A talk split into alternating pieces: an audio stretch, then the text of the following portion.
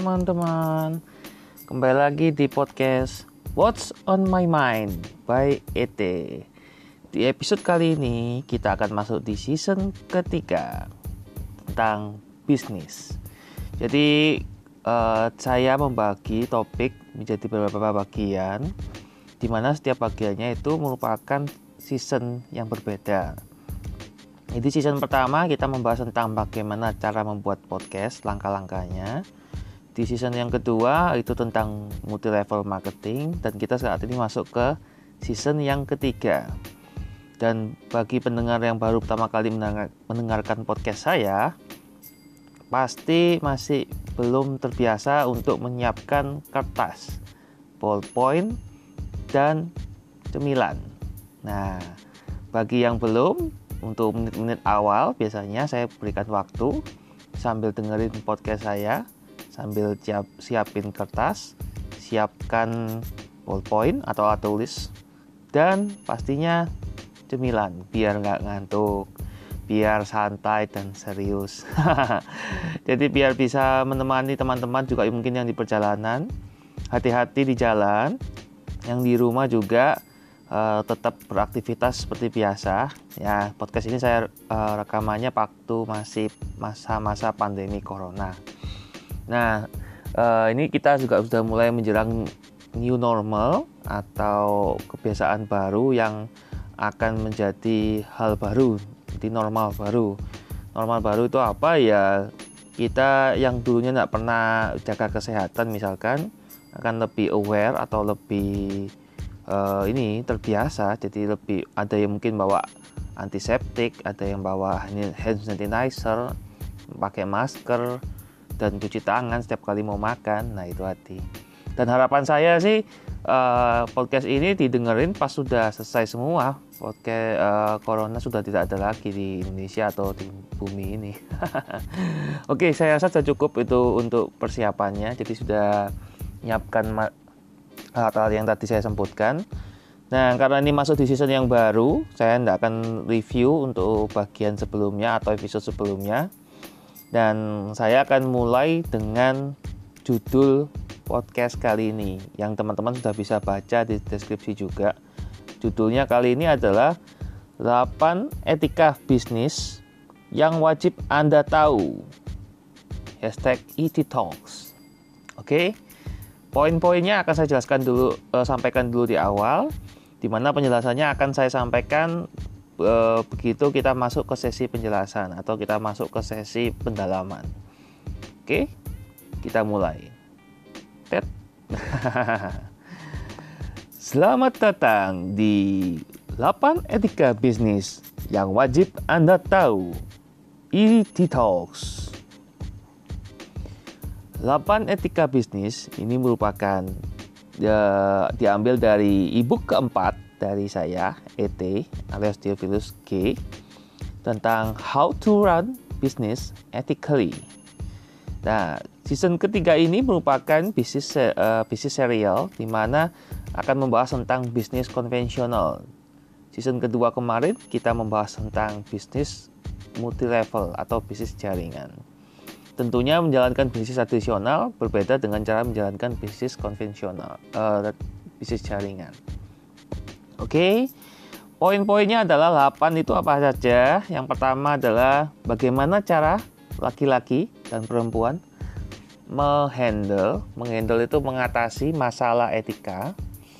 Terus yang kedua adalah definisi dari ethics atau dalam bahasa Inggris itu ethics dan etika dalam bahasa Indonesia karena beda kata, beda arti, beda makna.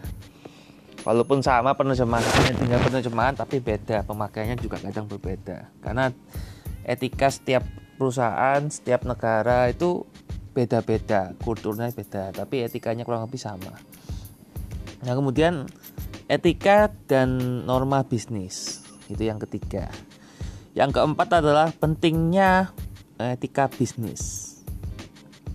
Yang kelima, etika dan prinsip perilaku. Oke. Yang keenam adalah opini individu. Di sini saya juga akan uh, membawakan dengan cara yang berbeda. yang biasanya sering dibawakan dengan fakta-fakta yang terjadi yang mencengangkan dan beberapa rahasia-rahasia. Di sini saya memberikan opini-opini dari beberapa perusahaan case study juga. Jadi kita mempelajari dari apa yang dialami. Nah, kemudian uh, keuntungan dari men, uh, mempertahankan etika. Itu yang ketujuh. Dan yang terakhir adalah uh, permasalahan etika di dalam dunia bisnis. Ada beberapa bagian untuk di bagian yang terakhir ini, ya ini tentang suap. Jadi ada bribery, coercion, deception, theft, unfair discrimination, dan kita mencegah 4K. Nah, itu nanti akan saya jelaskan di akhir, di mana bribery itu adalah suap, coercion adalah paksaan, deception adalah penipuan, theft itu adalah pencurian, unfair discrimination adalah diskriminasi. Oke, itu poin-poin yang akan saya sampaikan di podcast kali ini di season ketiga ini, uh, khususnya di part pertama ini. Saya rasa ini akan jadi satu part, cuman saya belum tahu nih karena saya masih proses recording dan sambil jalan biasanya kalau ada yang terpotong di tengah jalan satu jam durasinya, baru saya bagi ke part berikutnya. Nah, Oke, okay, kita masuk di part yang pertama. Sudah siap? Sudah dicatat ya poin-poinnya? Oke. Siap. Yang pertama, bagaimana cara perempuan dan eh, laki-laki menghandle atau mengatasi permasalahan etika.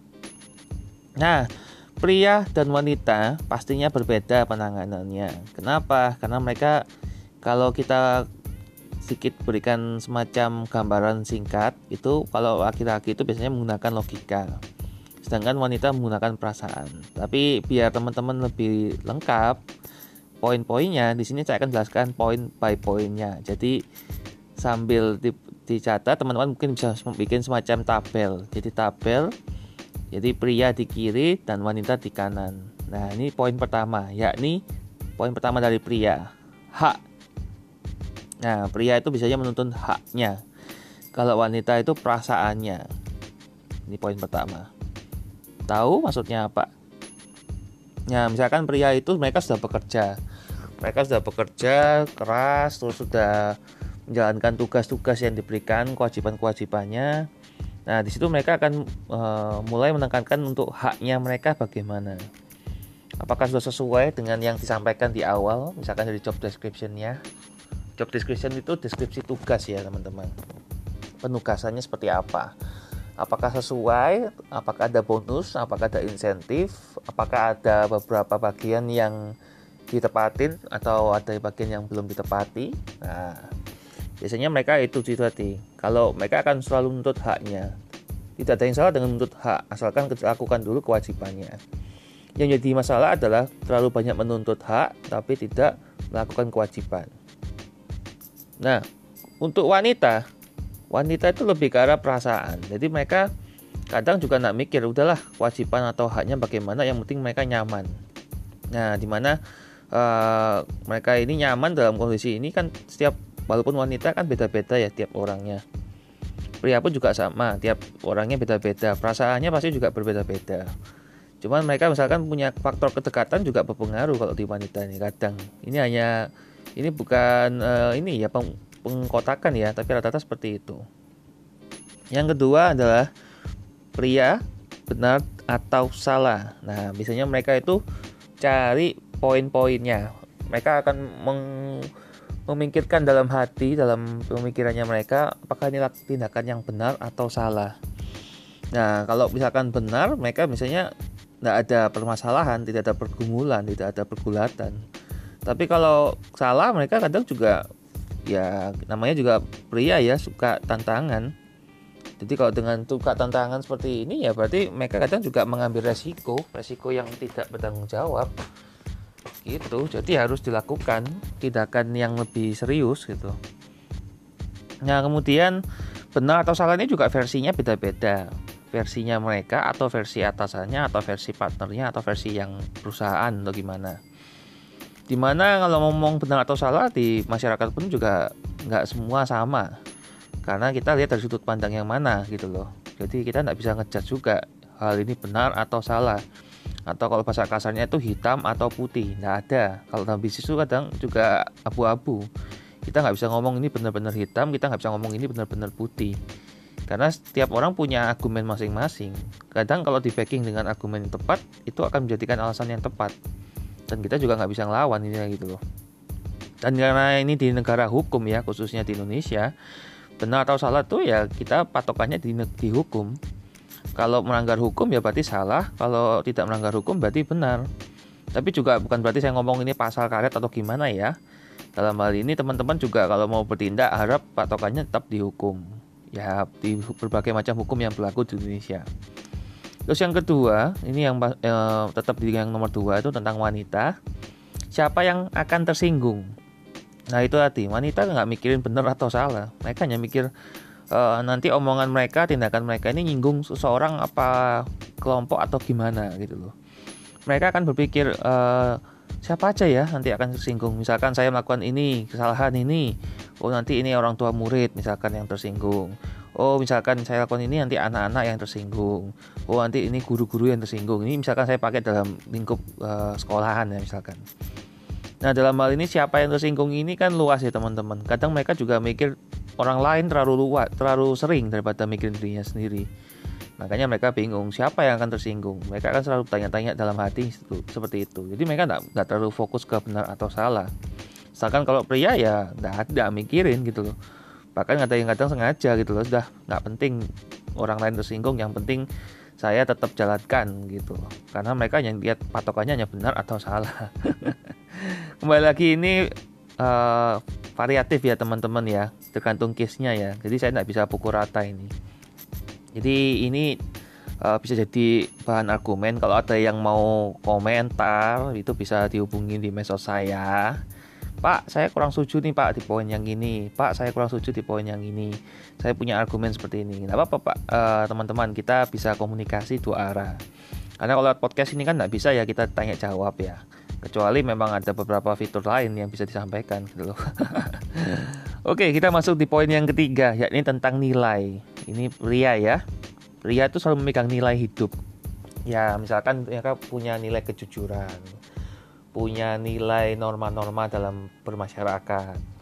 Nilai kalau di Indonesia ini kan kita masuk timur ya, nilai ketimuran bukan kebaratan. Nah, itu arti nilai ini kan juga luas ya teman-teman ya nilai ini bukan nilai 1 sampai 100 tapi ya nilai-nilai yang berlaku di Indonesia di, di tempat yang teman berada sekarang di mana teman-teman mendengarkan gitu.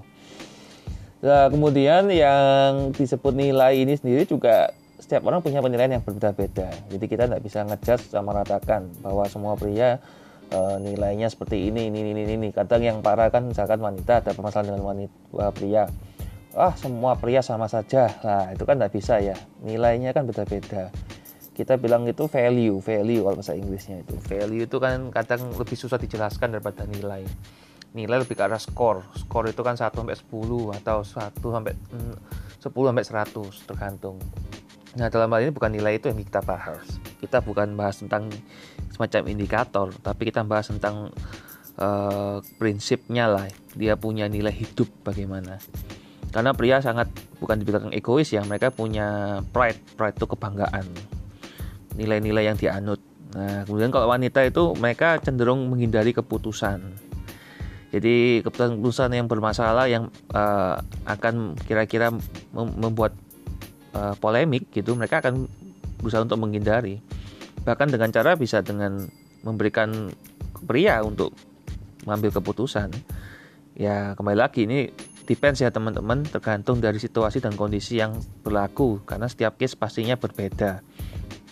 Karena kita nggak bisa ngomong wanita 100% wanita dan pria 100% pria. Dalam hal ini bukan masalah uh, jenis kelaminnya ya bukan gendernya ya. Tapi mungkin sifat-sifatnya. Saya nggak ngomong tentang uh, jenis kelaminnya tapi ke arah sifat-sifatnya. Karena kan mungkin mereka pria ada yang mempelajari sifat-sifat wanita mereka bisa mengerti wanita tapi juga ada wanita yang mempelajari sifat pria akhirnya mereka juga bisa berpikir logis dan bagaimana uh, dan dan kurang lebih seperti itulah vice versa atau kurang lebih seperti itu. Yang keempat yakni keputusan tidak mendua. Jadi kalau mereka sudah ngambil keputusan ya nggak ada misalkan opsi A ya opsi A ada opsi B. Opsi B itu hanya opsi cadangan. Dan opsi cadangan ini biasanya ada namanya istilahnya backup plan. Backup plan ini pun juga bisa macam-macam. Bisa opsi C D E sampai Z misalkan sedangkan keputusan yang nomor satu ya keputusan yang diambil. Keputusan ini sifatnya absolut di mana uh, tidak akan ada perubahan lagi ke depannya dan mereka siap ambil konsekuensinya kalau keputusannya sudah diambil gitu loh.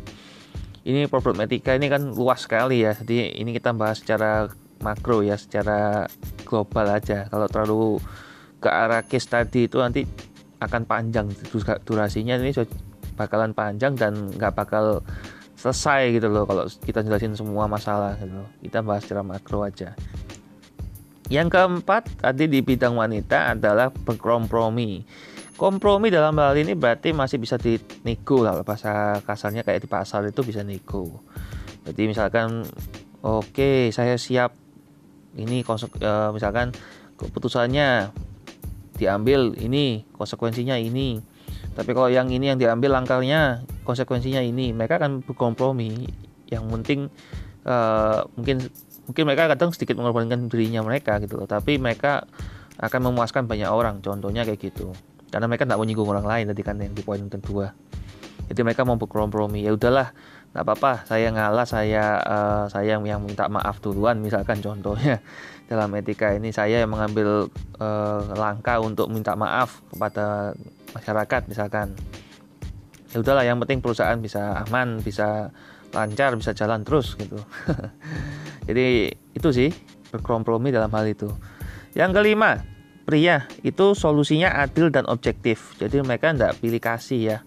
Tidak ada yang oh saya ini karena keluarga oh iya ini karena sahabat oh iya ini karena teman dekat atau ya oh iya karena saya kenal dia lama gitu bukan mereka pasti adil. Adil dalam hal ini menguntungkan banyak pihak bukan cuma dia atau orang lain tapi banyak pihak. Nah kalau yang objektif ini kalau yang satu salah ya kan di assessment. Assessmentnya salahnya seperti apa? Masih bisa dimaafkan atau ditoleransikan atau bagaimana? Atau istilahnya kalau uh, kita lihat sebelah mata bukan lihat sebelah mata itu meremehkan ya tapi ya masih bisa ditutup, ditutup kesalahannya. Masih bisa di dimaafkan iya. Dikasih teguran iya. Dikasih hukuman iya. Tapi tidak diungkit-ungkit lagi jadi tidak dibahas terus menerus di setiap meeting misalkan. Dan adil ini ya kembali lagi ya prinsip keadilan ini kan luas ya dan kadang kalau orang kan terjebak di kata-kata adil adil seperti apa pak? Ya kalau kita ngomong adil seperti hukum aja jadi biarkan lembaga hukum yang menilai gitu loh. Kemudian objektif dalam hal ini ya mereka ngomong sesuai rasio ini namanya pemikirannya mereka jadi ya kalau dibilang rasio itu bukan rasio ya rasional lah rasional bukan rasio. Terus yang wanita itu solusi yang minim ketersinggungan. Jadi mereka akan selalu mencari solusi yang paling sedikit yang bakal pihak yang tersinggung. Ya saya nggak sebutin ya biar teman-teman juga ada yang nggak tersinggung. Dalam hal ini saya kembali lagi saya nggak mukul rata ya semua wanita dan semua pria tidak. Ini hanya mayoritas kurang lebih seperti ini ini hati saya juga tahu karena saya juga memahami wanita. Takutnya kan wanita tersinggung dengan omongan saya seperti ini. Jadi solusi yang minim ketersinggungan. Saya pun juga ngambil uh, approach seperti wanita ini kan. Saya tidak mau banyak orang yang tersinggung tapi saya juga adil dan objektif gitu. Jadi ambil di kedua kaki kalau istilahnya gitu. Kita misalkan pak berdiri di satu kaki atau dua kaki atau tiga kaki? Ya tidak apa-apa berdiri di dua kaki atau satu kaki. Tergantung teman-teman gitu loh ya pikirkan sendiri-sendiri harus tahu konsekuensinya seperti apa risikonya seperti apa. Dan ya kembali lagi kembali ke integritas masing-masing ya. Saya tidak bisa komen lebih lanjut. Yang ke enam itu pria eh, selalu membahas tentang peraturan peraturan yang sudah ada seperti SOP jadi ya mereka kadang cukup kaku ya atau kurang fleksibel dalam pengambilan keputusan eh, untuk menyelesaikan masalah di etika gitu jadi misalkan peraturannya A hukumannya A terus juga misalkan reward reward tuh hadiahnya A ya itu hati sesuai. Nggak bisa dinego nggak bisa ditoleransi eh, nggak bisa di ya tetap bisa dimaafkan tetap dimaafkan tapi tetap hukuman berlaku. Itu ya itu arti namanya juga peraturan ya. Kalau peraturan dibuat terus diranggar ya percuma kan gitu. Kalau pria kan juga mikirnya seperti itu gitu loh. Mau bikin peraturan yang bisa memuaskan semua orang? Tidak mungkin. Sudahlah pasti ya ada peraturan yang bisa memuaskan semua orang. Makanya mereka ya peraturan yang memang sewajarnya yang kira-kira ya berlaku pada umumnya gitu loh. Kalau wanita ke arah komunikasi gitu loh. Gimana cara komunikasinya? Dalam hal ini komunikasinya uh, bukan masalah wanita itu bisa dinego ya atau dirayu bukan. Tapi mereka kadang bilang ya asal anda bisa memberikan argumen yang tepat ya masih bisa dimaafkan dan tidak ada pra, tidak ada hukuman atau tidak ada hadiah. Misalkan kalau uh, hadiahnya bisa dibeli hadiah lebih mungkin karena kejujurannya gitu. Tergantung cara komunikasinya ya. Kembali lagi ini masalahnya saya ambil versi makro ya. Kalau kita ngomongin diskusi mikro nanti panjang ini. Ini aja sudah bakalan panjang ini. Saya masuk poin pertama ini yang ketujuh adalah logika. Seperti yang saya sering sampaikan tadi bahwa wanita eh, pria itu selalu berpikir dengan logika. Apakah ini tindakannya logis, masuk akal? Kalau enggak, mereka akan mikir, oh ini salah ini, karena enggak logik, karena enggak masuk dalam otak, enggak masuk akal gitu loh istilahnya. Kalau wanita karena emosi, ya kalau emosinya lagi labil saat itu, kondisinya saat itu, ya mereka kadang juga terbawa suasana. Kalau lagi bagus, kadang mereka bisa ngambil keputusan yang salah kalau lagi galau mereka juga bisa uh, melukai yang lain gitu loh. Ya, kalau istilahnya itu kan membawa perusahaan pribadi ke dalam pekerjaan. Harusnya tidak boleh itu. Itu juga masalah etika. Tapi kalau pria kadang logik.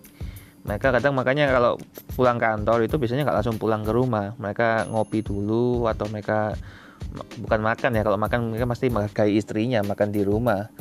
Mereka mungkin ngopi dulu nyangkruk dulu uh, biar sudah selesai semua beban di kantor misalkan baru pulang. Kalau wanita kadang kan juga nggak tahu ini ada suaminya ada masalah apa di di, di kantor gitu. Begitu lihat ada bau parfum apa yang aneh-aneh atau kosmetik yang menempel lain lain pasti mereka langsung akan protes gitu ya. Padahal itu mungkin aja dalam rangka emang entertain klien atau entertain tamu atau entertain tahun bisnis itu loh. Kita nggak pernah tahu kan. Dan pria cenderung kadang mereka nggak mau menciptakan semuanya. Ya mereka maunya hasilnya seperti ini. Dah tinggal terima hasil aja. Nggak usah dengerin semua masalahnya seperti apa. Sedangkan kalau wanita kan mereka tipenya juga jadi emosi. Emosi dalam hal ini emosional ya. Jadi pakai perasaan. Mikir gitu loh. Oh gini ini ini masalahnya seperti ini. Oh gini ya ya ya ya ya mereka cenderung terbawa suasana mereka cenderung uh, pengambilan keputusannya pakai emosi. Ya kadang ini kita nggak bisa salahkan ya. Itu sudah trait trait dari pria dan wanita beda.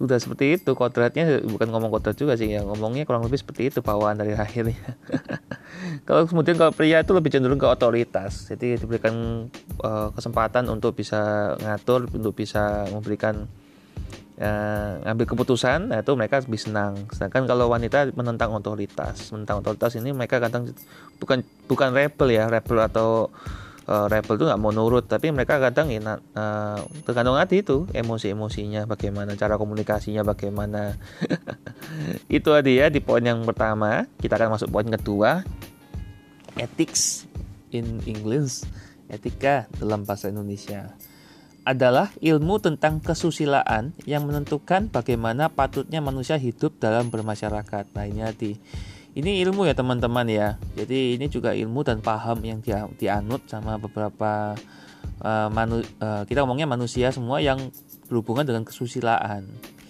Nah ini bagaimana caranya kita kalau hidup nggak diatur gitu kan? Kita hidup nggak punya aturan ya kacau bakalan dunia itu. Makanya adanya negara itu pemerintah ya untuk mengatur itu kalau nggak ada yang ngatur terus siapa? Semua maunya sendiri-sendiri kan? Nah nggak bisa gitu loh. Kita itu dalam bermasyarakat ya pasti ada aturan yang berlaku entah di mana pun itu. Contoh aja lah ya kalau teman-teman bingung maksudnya apa. Kalau di Indonesia itu misalkan ada yang buang sampah sembarangan masih gitu loh. Tapi coba mereka orang yang sama tinggal di Singapura atau sementara di Singapura mereka pasti tidak berani buang sampah sembarangan karena dendanya aja mahal bahkan punya permen karet atau antri itu nyalip uh, mengemotong antrian apa seperti itu. Apakah berani mereka? Kadang mereka juga walaupun tidak punya etika misalkan di Indonesia mereka punya etika di Singapura jadinya. Itu tadi contohnya makanya bilang bedanya etik dan etika gitu. Etik itu lebih ke arah keluar yang menggunakan bahasa Inggris di luar juga. Terus budaya-budaya keparatan atau budaya yang mau beda dengan kita yang di Indonesia gitu pastinya ya kita juga harus menyesuaikan adaptasi kuncinya. Nah kemudian etika juga bicara tentang moralitas. Moralitas setiap orang kan berbeda-beda ya. Kadang menurut kita salah menurut orang lain belum tentu salah. Menurut kita benar dan menurut orang lain belum tentu benar. Jadi ya kita nggak bisa pukul rata semua benar atau salah dan absolut nggak bisa. Ya itu hati kita ada pertimbangannya atau kalau istilahnya hukum itu kan ada bahan pertimbangan. Yang mana yang salah mana yang benar diputuskan sama pihak yang berwajib. Kita kan nggak bisa sebagai masyarakat ngejudge gitu loh. Kamu salah kamu salah. Kebanyakan netizen kan seperti itu. Ngomong apa adanya aja udah nggak ada titik komanya semua langsung diomongin aja. Nggak mikir juga kadang mereka resikonya apa konsekuensinya bagaimana. Coba bayangkan. Makanya saya juga sarankan buat teman-teman netizen jadilah netizen yang cerdas netizen yang bijak ngomong seperlunya aja pikirkan dulu apakah ini menyakiti orang lain atau ini mendeskripsikan orang lain. Hati-hati Indonesia adalah negara hukum di mana segala bukti dari jejak digital itu bisa dipakai untuk disampaikan di ranah hukum gitu ya. Hati-hati aja ya. Ya cuma kalau saya sendiri nggak ngambil pusing ya. Kalau saya tuh selama nggak nyakitin banget nget nget gitu ya. Saya nggak ambil pusing saya tinggal pencet tombol blok atau report aja. Tapi nggak semua orang bisa seperti itu.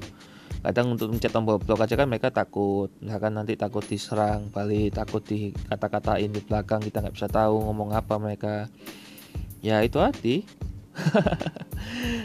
moralitas gitu loh. Kita nggak bisa ngomong mau kita mau ngapa? Mau ngurusin orang lain terus ya capek kan? Ya kita urusin pribadi kita aja. Apakah kita bisa hidup dengan benar dan baik gitu loh? Kalau enggak ya usah ngurusin orang lain ngapain? Ngomongin etika ini kan juga kita ngomongin etika diri kita sendiri. Jangan ngomongin orang lain terus capek kan? Oke, untuk poin berikutnya adalah ilmu menuntut orang untuk berperilaku moral secara kritis dan rasional. Ini hati. Otak ini kan ada berbagai macam bagian ya. Cuma kadang orang untuk kritis ini kan levelnya beda-beda. Ada yang kritis banget nanti otaknya benar-benar tajam pemikirannya tajam sehingga mereka bisa langsung troubleshooting. Troubleshooting itu permasalahan langsung tahu oh ini ini ini ini ini ini, ini solusinya ini ini ini, dan rasional itu masih bisa masuk akal gitu loh. Sedangkan kalau yang nggak bisa seperti itu ya kadang mereka terbawa terbawa arus. Mereka terbawa omongan pancingan-pancingan hoax misalkan. Fitnah-fitnah mereka mereka nggak nggak menggali lebih dulu gitu loh. Langsung satu arah langsung ya saya nggak ambil isu tertentu lah. Contoh ini terlalu luas nanti bakal takutnya juga nyinggung orang lain kan itu. Pokoknya intinya ya teman-teman kalau ada satu isu yang dilemparkan dipikir dulu. Jangan langsung terbawa di share jangan langsung di like komen itu pun juga bahaya. Ambil yang positif aja lah yang negatif buang. Sama teman-teman kalau dari saya pun juga kalau teman-teman ambil uh, tahu ambil positifnya aja kalau ada negatifnya ya udah langsung buang aja. Jadi nggak perlu ribet nggak perlu pusing. Mikir kelamaan juga kan. Nggak ada satu nggak ada orang yang 100% benar 100% positif dan 100% negatif nggak ada. Orang jahat pun pasti ada kebaikannya. Orang baik pun pasti ada jahatnya. Jadi kita nggak bisa menilai orang dari seperti itu. Gitu. Saya pun juga ya bukan yang paling bijak saya juga bukan paling pintar saya juga bukan paling hebat. Saya di sini hanya orang yang mau sharing sharing pengalaman saya tentang etika. Saya juga sering dimarahin banyak orang saya juga sering ditegur banyak orang. Kalau saya ambilnya gini kalau selama mereka tegur itu dengan baik-baik berarti mereka kritikannya juga masuk akal saya terima. Tapi kalau sudah negurnya masuk ke arah personal terus juga omongannya sudah nggak udah ngelantur ngawur ya saya nggak ambil pusing itu tinggal blok aja. Mau sekenal apa pun sedekat apa pun ya saya bilang dulu uh, kayaknya kita nggak cocok deh kita nggak sevisi. Mohon maaf ya ya langsung saya blok. Atau bahkan nggak saya nggak ngomong saya langsung blok. Gitu. Baik lagi teman-teman itu preferensi. Langkah nyata yang saya ambil? Teman-teman bisa pakai cara yang lain bisa pakai uh, apa pun yang kira-kira teman-teman pikirkan lebih baik. Kembali lagi tidak ada yang absolut ya. Dari omongan saya ini tidak tidak bisa jadi patokan bahwa omongan saya yang paling benar bukan. Oke kita masuk poin keempat adalah etika bisnis etika bisnis. Ini moral merupakan sesuatu yang mendorong orang untuk melakukan kebaikan. Nah, kebaikan pun juga kadang disalah disalah artikan. Nanti dipikirnya pencitraan, nanti dipikirnya ada niat tertentu di belakangnya. Uh, gitu lah ya. Sekarang di zaman modern seperti ini kita selalu dicurigai. Apa pun itu tindakan kita, saya pun juga saya sudah berbagi kebaikan pun sering gitu ya di postingan-postingan saya positif positif negatifnya masih ada orang-orang masih ada aja yang komen negatif masih ada aja yang iseng-iseng gitu trolling gitu ngerjain saya gitu atau kalau istilahnya ngarahin bahasa Jawanya itu. Ada aja muka berusaha untuk mancing emosi ada yang berusaha untuk fitnah ada yang berusaha untuk ini ini. Kalau teman-teman bilang pak itu bapak aja kali yang salah ya teman-teman bisa nilai sendiri ya ya. Saya tidak pernah membela diri saya tidak pernah mau ngomong saya ini benar saya ini salah apa kalau saya salah saya minta maaf. Udah titik. Sederhana simple. Kalau saya tidak salah saya merasa tidak salah saya tahu itu saya tidak salah saya tidak mau. Bukan karena saya tidak mau minta maaf ya. Karena maaf itu bukan dari kata kita yang kita ucapkan, tapi dari tindakan atau perubahan yang kita lakukan setelah kita mengucapkan kata maaf. Karena kalau kita hanya ngomong maaf, maaf, maaf, maaf, kebiasaan ngomong maaf nanti orang lain juga tersinggung, orang lain juga akan uh, ini apa nggak nyaman gitu loh dengan adanya maaf, maaf. Ini dikit-dikit minta maaf. Emang mudah ya minta maaf, ngomong maaf terus.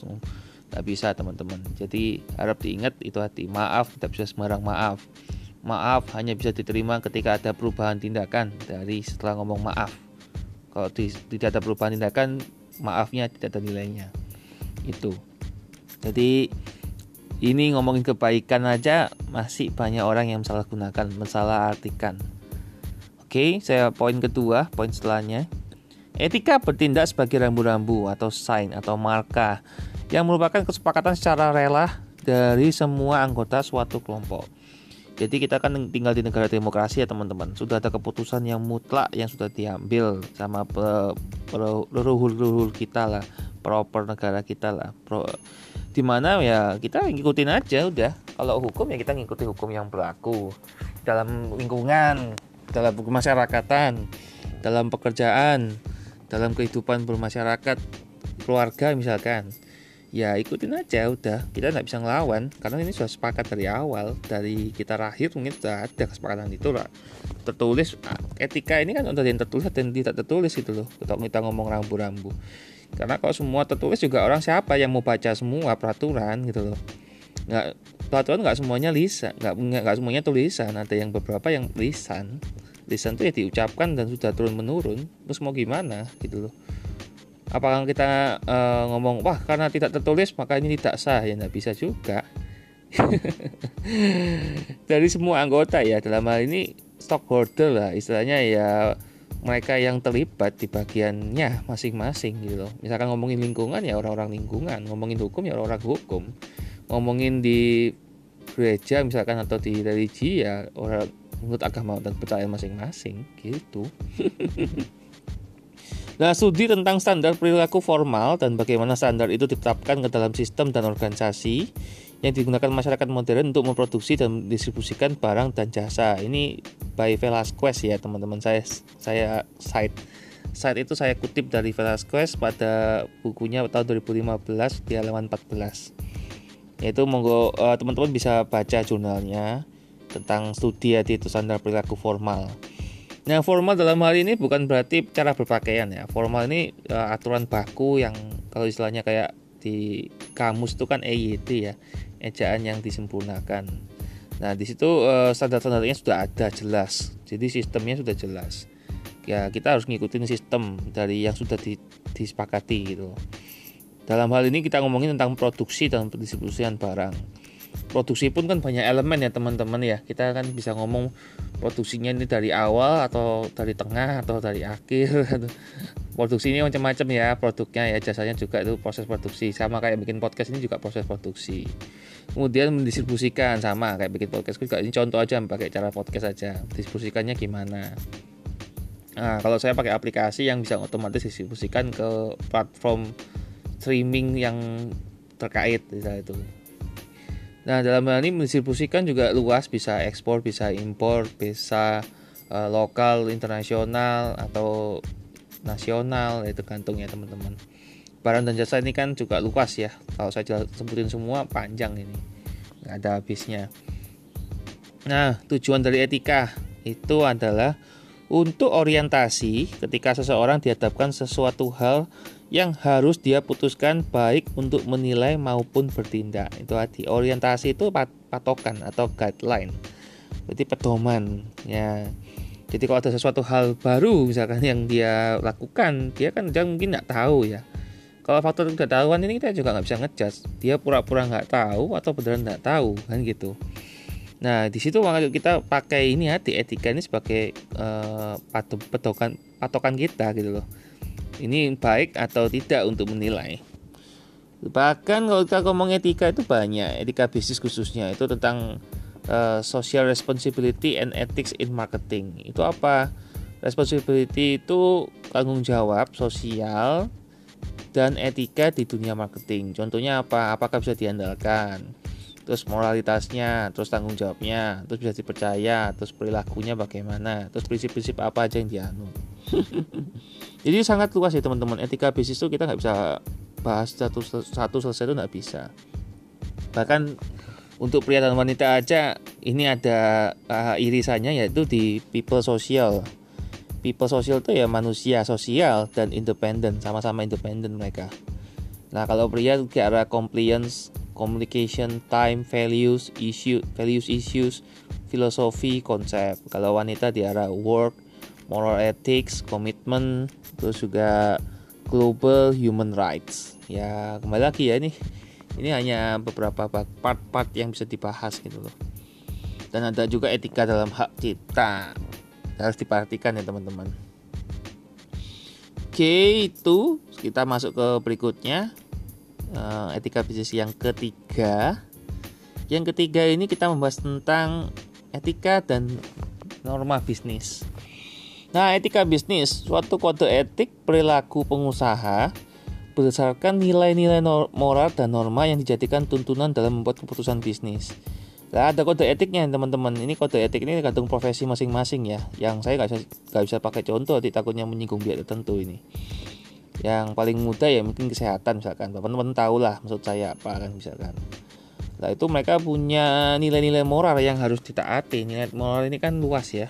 Saya nggak bisa kotak-kotakkan ya nggak bisa uh, mana mana kategorikan ini dan jadikan tuntunan ini biasanya mereka udahlah kita jangan melanggar etika kita lakukan aja sesuai etika permasalahannya etika bisnis ini kan sangat uh, susah ya kalau kita ngomong oh ini salah ini benar makanya kadang kita kan harus uh, benar-benar analisanya mendalam ini kalau ngurusin mau menyelesaikan permasalahan etika bisnis. Nah ini uh, sumber dari norma bisnis itu ada berbagai macam. Jadi ini misalkan ada satu individu ya ini tentang kesadaran individunya. Mereka ada yang dari teman kerjanya ada yang dari keluarganya ada dari teman-teman sahabatnya terus ada dari hukum ada dari media massa ada dari kepercayaan religi ada yang dari negaranya ada dari profesinya dari uh, bosnya terus dari masyarakat luas.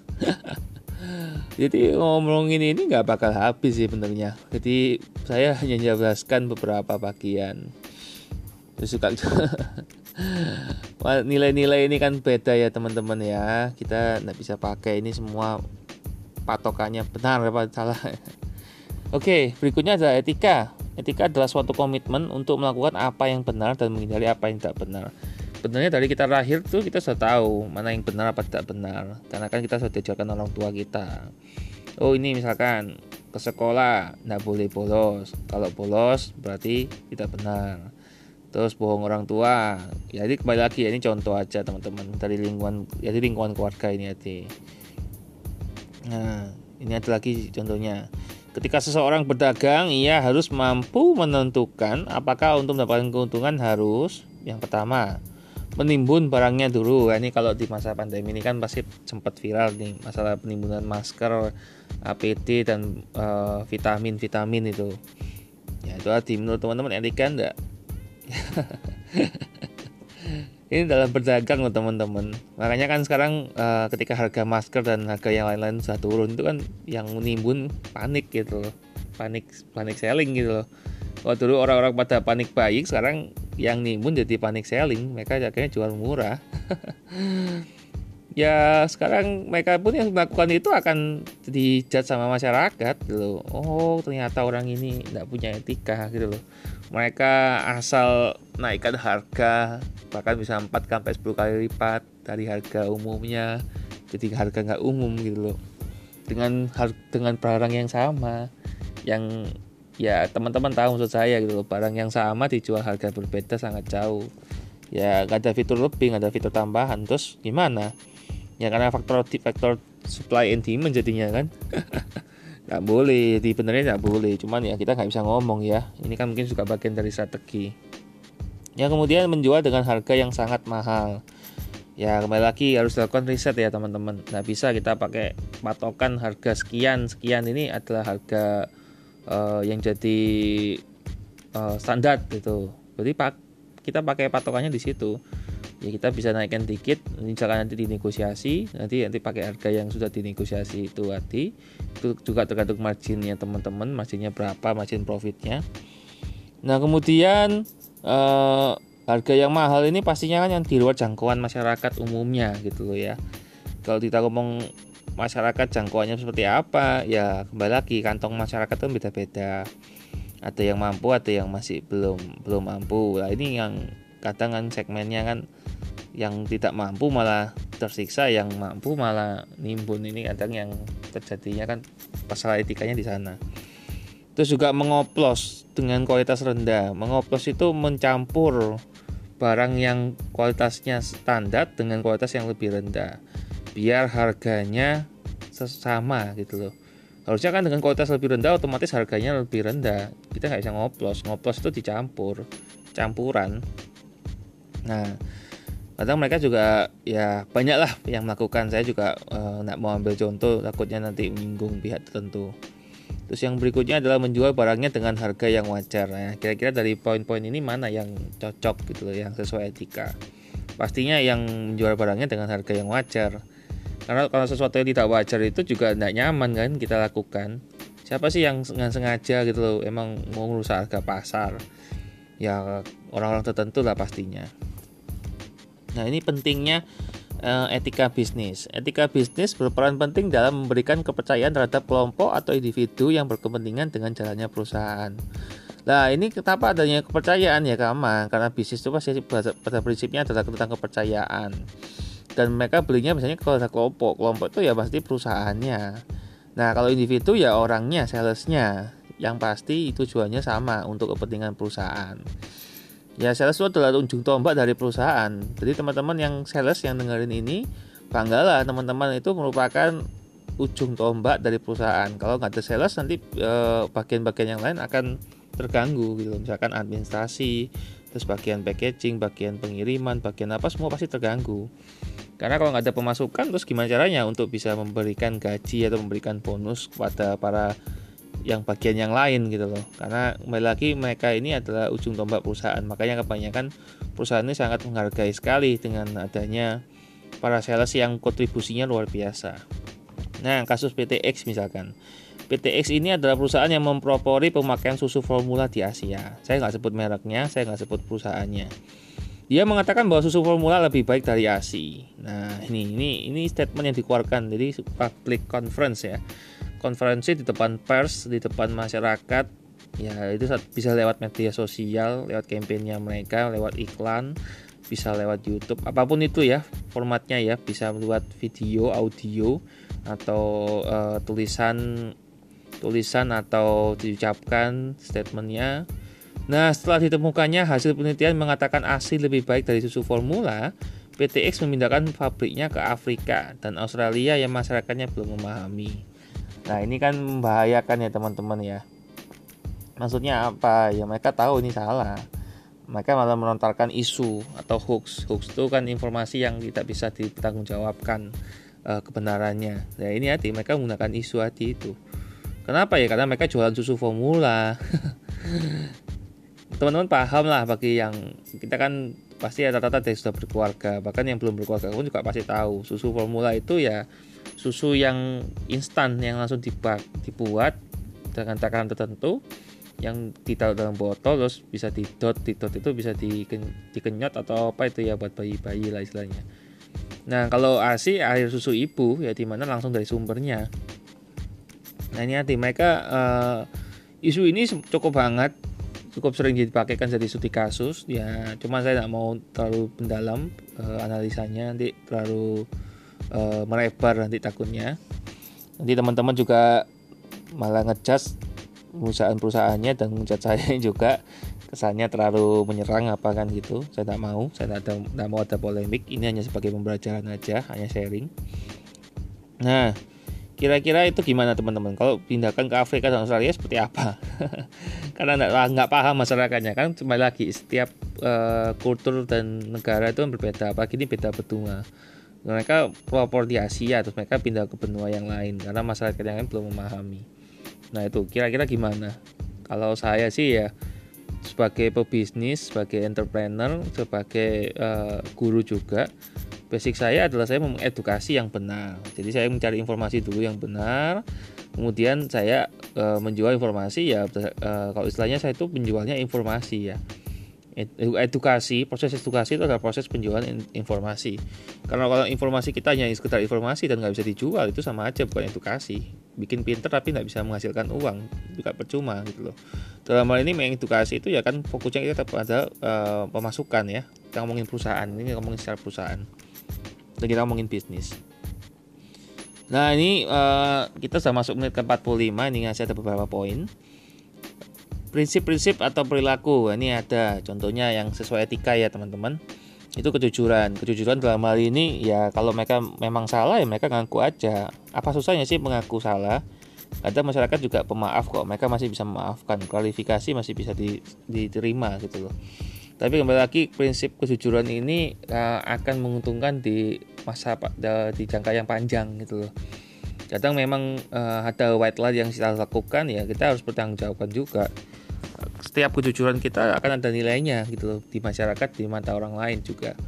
Kemudian integritas, integritas itu adalah yang kalau simpelnya itu adalah ketika anda itu bekerja, nggak ada bos, nggak ada atasan, anda tetap bekerja itu integritas. Terus juga Anda tidak ter mudah terpengaruh oleh penawaran-penawaran yang lain misalkan. Dan Anda bekerja sesuai dengan SOP bahkan bisa melebihi uh, menambah jam kerja atau memberikan sesuatu nilai lebih bagi perusahaan misalkan Nah kemudian juga memelihara janji. Jadi kalau teman-teman berkampanye misalkan, kampanye ini kan kita ngomongin bukan ngomongin kampanye politik ya, tapi kita ngomongin kampanye perusahaan. Itu ya harus dipenuhi gitu loh. Kalau politik itu kan luas ya teman-teman. Saya nggak akan nyinggung masalah politik karena saya juga nggak kurang kurang suka ya membahas isu sara, sara plus P. Sara itu suku, agama, ras uh, dan kepercayaan plus politik. Saya kurang mau bahas itu karena itu itu isu yang pasti panas bagi orang lain.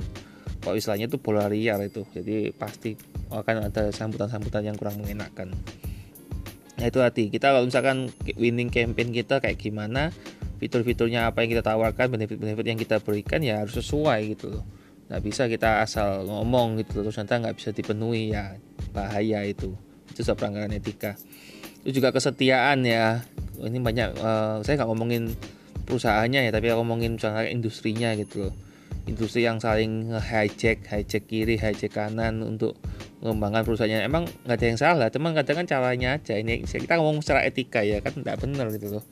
Karena mereka mau cari hasil yang instan akhirnya mereka melakukan hijack ke perusahaan-perusahaan yang lebih kecil atau perusahaan saingan kompetitor jadi kalau dalam dunia bisnis itu ya seperti saya bilang tadi katakan ada yang salah atau benar ya kita yang kita bahas saat ini adalah etikanya. Jadi ada yang uh, kecil-kecil di mergerin ada yang besar terus akhirnya dibeli uh, di apa namanya merger akuisisi diakuisisi terus di, dikembangkan ekspansi. Nggak ada yang salah itu lagi kalau sesuai pembayarannya sesuai dengan keputusan masing-masing pihak yang terkait tidak ada yang masalah. Kita ngomongin tentang kesetiaan ya nah kemudian juga kewajaran sama tadi itu kewajaran selama harganya sesuai ya why not?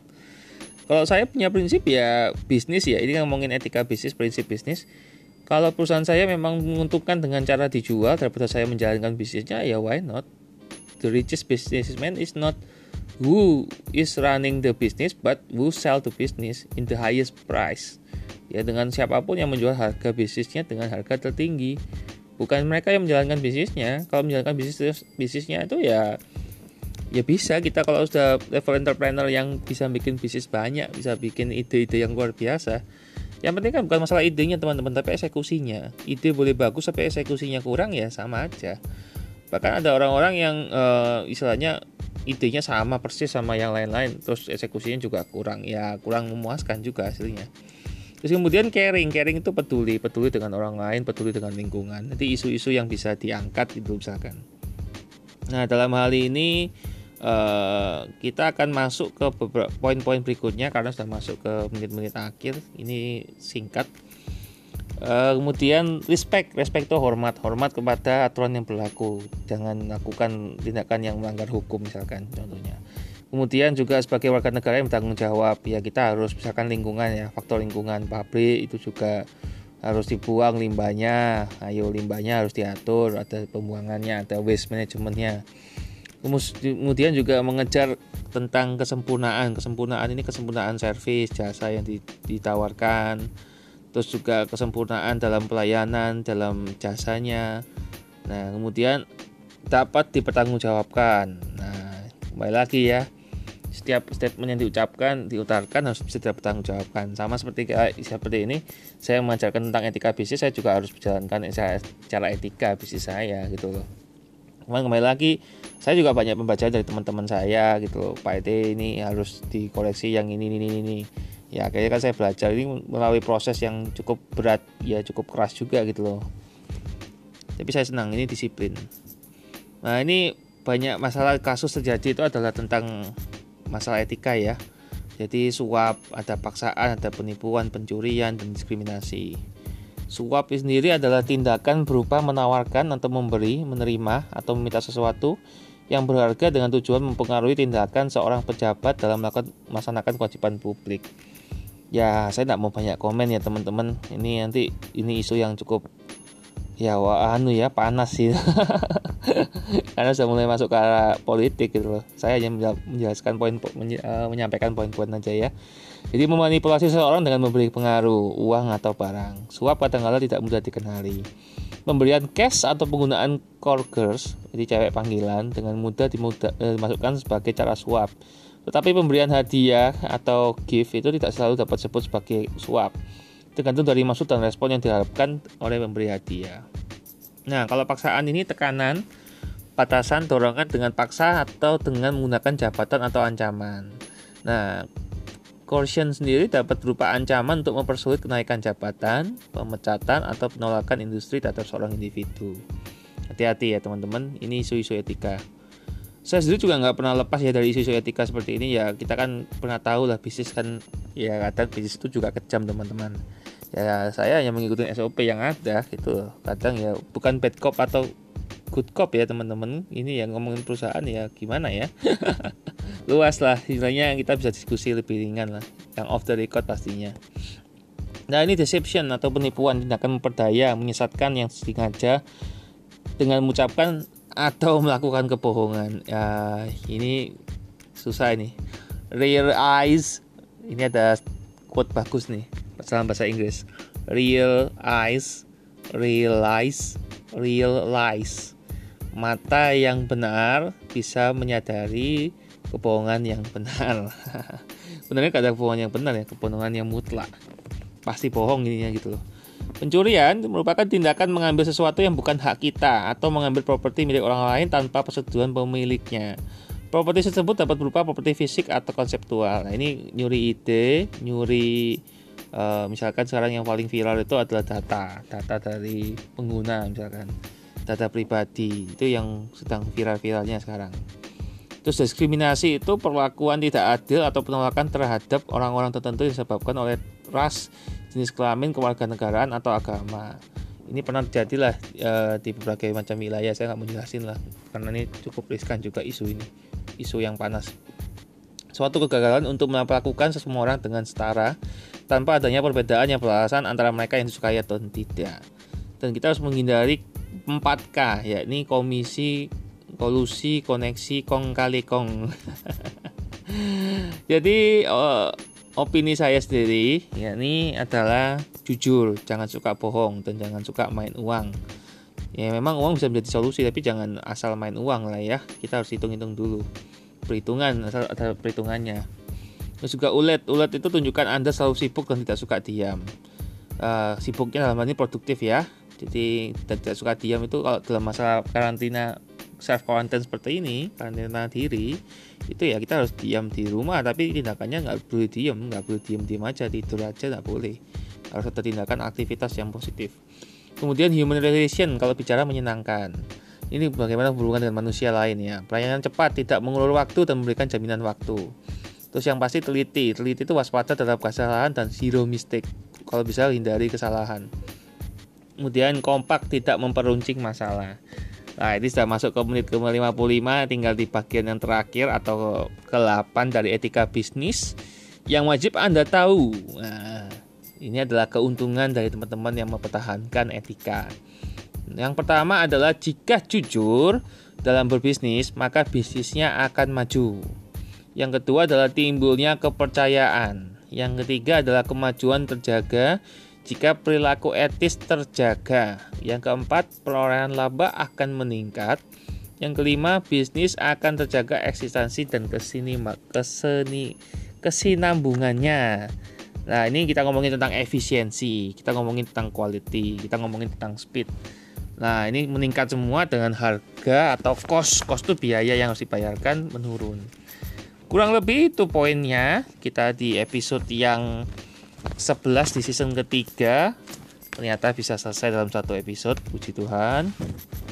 Di mana kita akan membahas tentang The Power of Bokeh di episode selanjutnya di episode ke-12 nah The Power of Bokeh itu apa? Gimana sih caranya kita bisa mengandalkan kelemahan kita menjadi kekuatan kita? Ini yang bisa jadi rahasia beberapa orang yang ngomong Pak saya ada modal Pak. Saya harus gimana bisa ada modal itu salah satunya adalah modal sosial koneksinya kita bagaimana. Terus juga bisa modal dari orang lain. Itu banyak. Kita sendiri juga saya bergerak di bidang permodalan dan uh, pen, uh, pendanaan permodalan dan pendanaan usaha. Kita basicnya adalah venture capital dan private equity. Dalam hal ini saya nggak jelaskan lebih lengkap ya. Teman-teman bisa uh, search atau belajar dari medsos saya yang ada di IG IG Twitter, Telegram, Line, YouTube itu di @eliostevilusg. Terus Facebook saya, LinkedIn saya Elios Tevilus Gandawijaya, podcast saya di sini What's on My Mind by ET. Untuk closing atau penutup statement akhir yang saya ucapkan teman-teman pasti tahu. Ya, kita ucapkan sama-sama. Saya hitung 1 sampai 3. 1 2 3 You know my name, not my story. Salam salut. Selamat pagi, selamat siang, selamat sore, selamat malam, selamat subuh. Selamat hari Minggu, selamat hari Senin, selamat hari Selasa, selamat hari Rabu, selamat hari Kamis, selamat hari Jumat, selamat hari Sabtu. Kenapa saya ucapkan selamat? Karena saya pinginnya teman-teman selamat di setiap hari. Dan teman-teman jangan lupa berdoa, tetap semangat, jalani hidup, jalani pekerjaannya teman-teman sendiri-sendiri masing-masing. Sampai ketemu di episode berikutnya yang akan membahas tentang The Art of Bokeh. Tetap di season yang ketiga tentang serial bisnis. See you. God bless you.